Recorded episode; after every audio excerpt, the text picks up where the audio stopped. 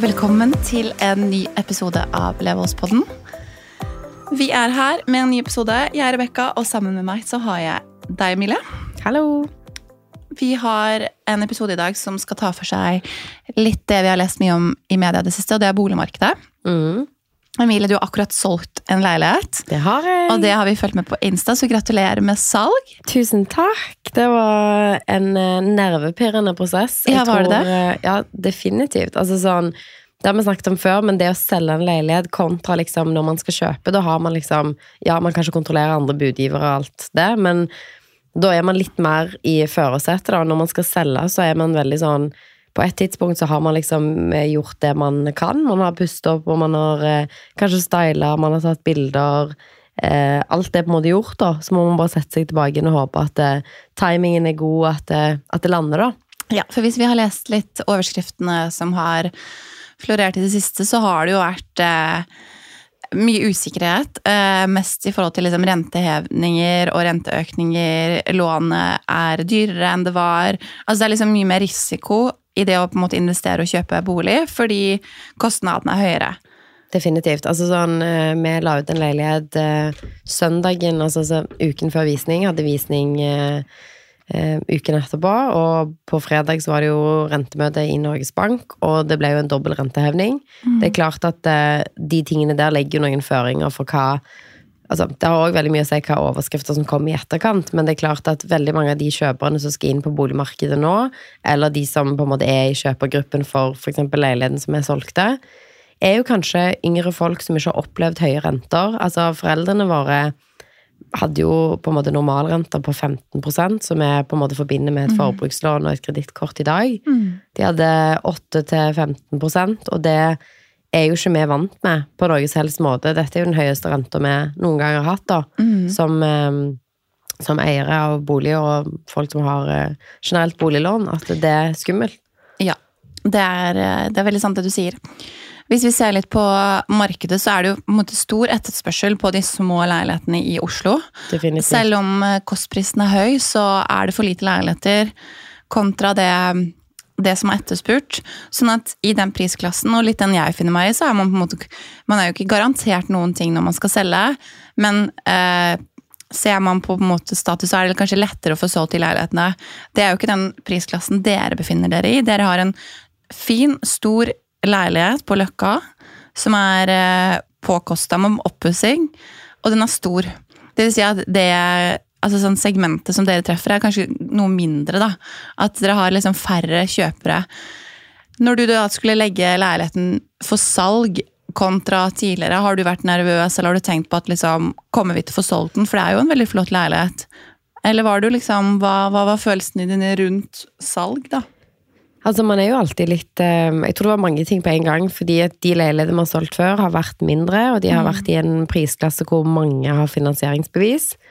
Mens den prisen vi solger, eller selger på nå, er en prisklasse hvor det er selvfølgelig, som du sier, mindre kjøpere.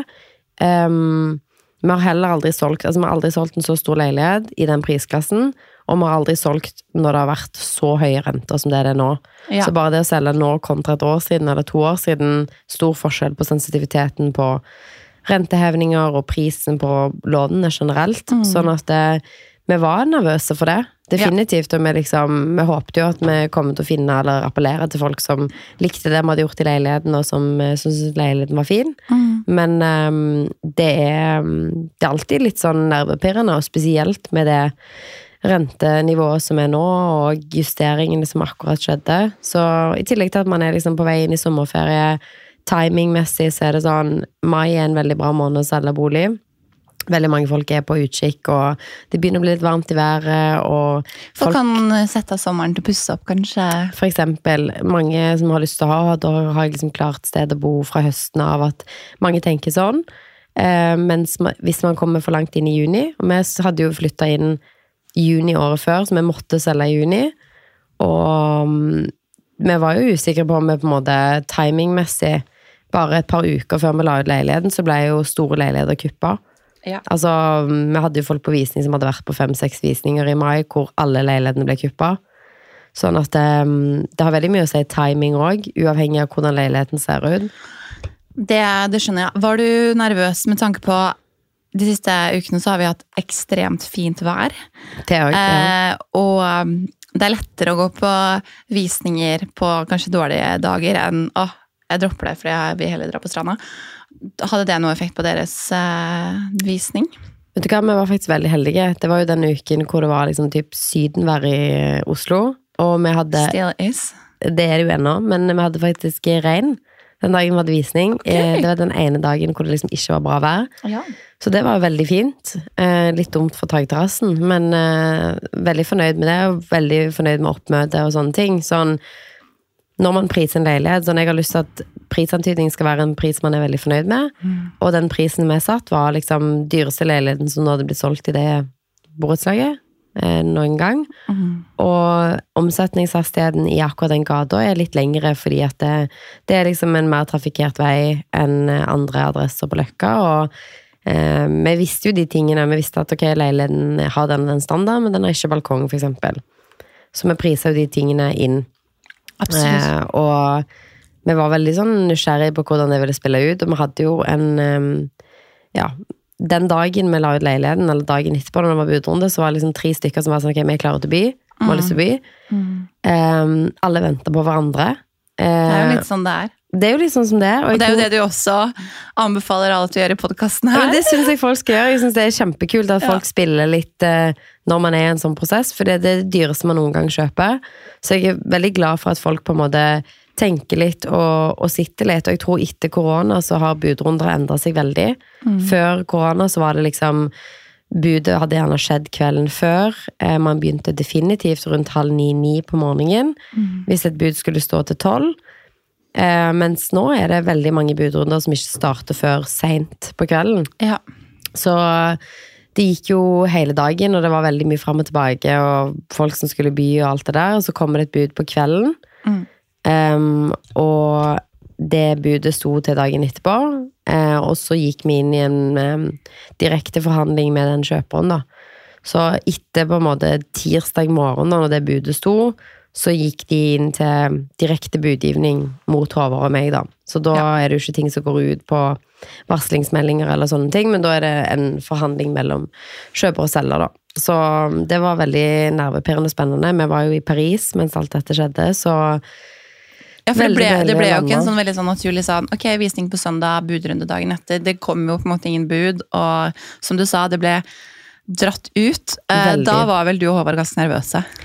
Det var litt sånn stress, men jeg tror på en måte òg at eh, Ja, det var nervepirrende, men òg så var vi veldig sånn Timing er alt, på en måte. Og hvis vi har bomma på en uke eller sånne ting Det er fint at sånn, ja, vi har en annen leilighet som vi skal pusse opp, men vi kunne jo vente. Og det tror jeg er en bra posisjon å være i, at vi er sånn Ok, hvis timingen er off nå, så kan vi vente. Ja. Og det er helt fine. Ja. Um, sånn at det å på en måte ha litt tid når man er i en sånn situasjon, da tror jeg ikke man blir stressa heller. Da er man litt sånn ok, men det som skjer, det skjer. Eh, det var veldig sånn, Jeg har aldri vært med på en så rar budrunde som det vi hadde på denne. For det var liksom veldig liksom mange som satt på gjerdet, liten aktivitet. Um, salgsprisen ble vi jo veldig fornøyd med. Hva solgte dere for? Vi solgte for eh, 7-9. Og det var takst? Det var prisantydning. Ehm, og det var det høyeste salget som har vært i Sandergata, som er der leiligheten ligger. Bra. Og veldig høy, ehm, eller lav omsetningstid, da, som er bra. Er du fornøyd med det, eller er du skuffa over det? Jeg hadde jo kanskje håpet at det skulle være, ehm, i hvert fall når det var så mange reelle budgivere Mm. og mye folk på visning, så hadde jeg håpet at kanskje de som endte opp med å kjøpe leiligheten, hadde bydd tidligere på dagen, for da tror jeg det hadde vippa over en del av de andre som satt på gjerdet og hadde lyst til å by. Mm. Vi hadde folk som hadde lyst til å by usett, og folk som ikke hadde fått vært med på visning, så det var spennende på en måte grupper med folk, men når du ikke klarer å liksom mobilisere det på buddagen, så, så får jo budrunden en litt annen um, en annen liksom, gang, da. Absolutt. Så jeg skulle definitivt ønske det. Jeg hadde håpet at det skulle skje mer den dagen. Eh, Men eh, definitivt fornøyd med pris. Så bra.